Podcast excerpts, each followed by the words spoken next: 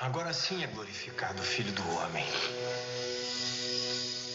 E Deus é glorificado nele.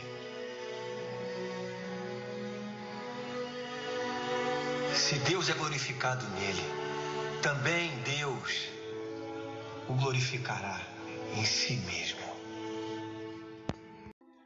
Oi, N, O, N, E, Real, O, Era, Real, Real, Eu, Isur, Aware, O, E, Aure, Eu, Owe, Aure, Eu, Eu, O, Aure, Eu.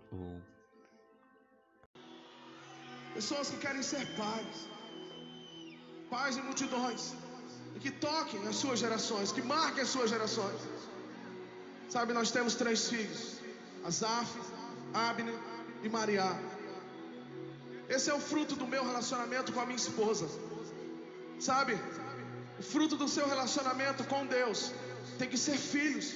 Você tem que gerar filhos para Deus. Quando você não gera filhos para Deus, o seu relacionamento com Ele é um relacionamento estéril. É como um útero seco que não gera ninguém. Sabe?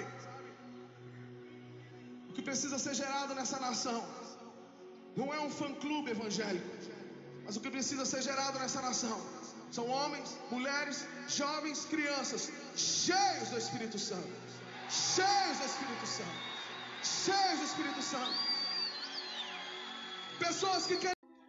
Oi, N, O, N, E, Real, O, Era, Real, Real, Eu, Isur, Aware, O, E, Aure, Eu, Owe, Aure, Eu, Eu, O, Aure, Eu, O.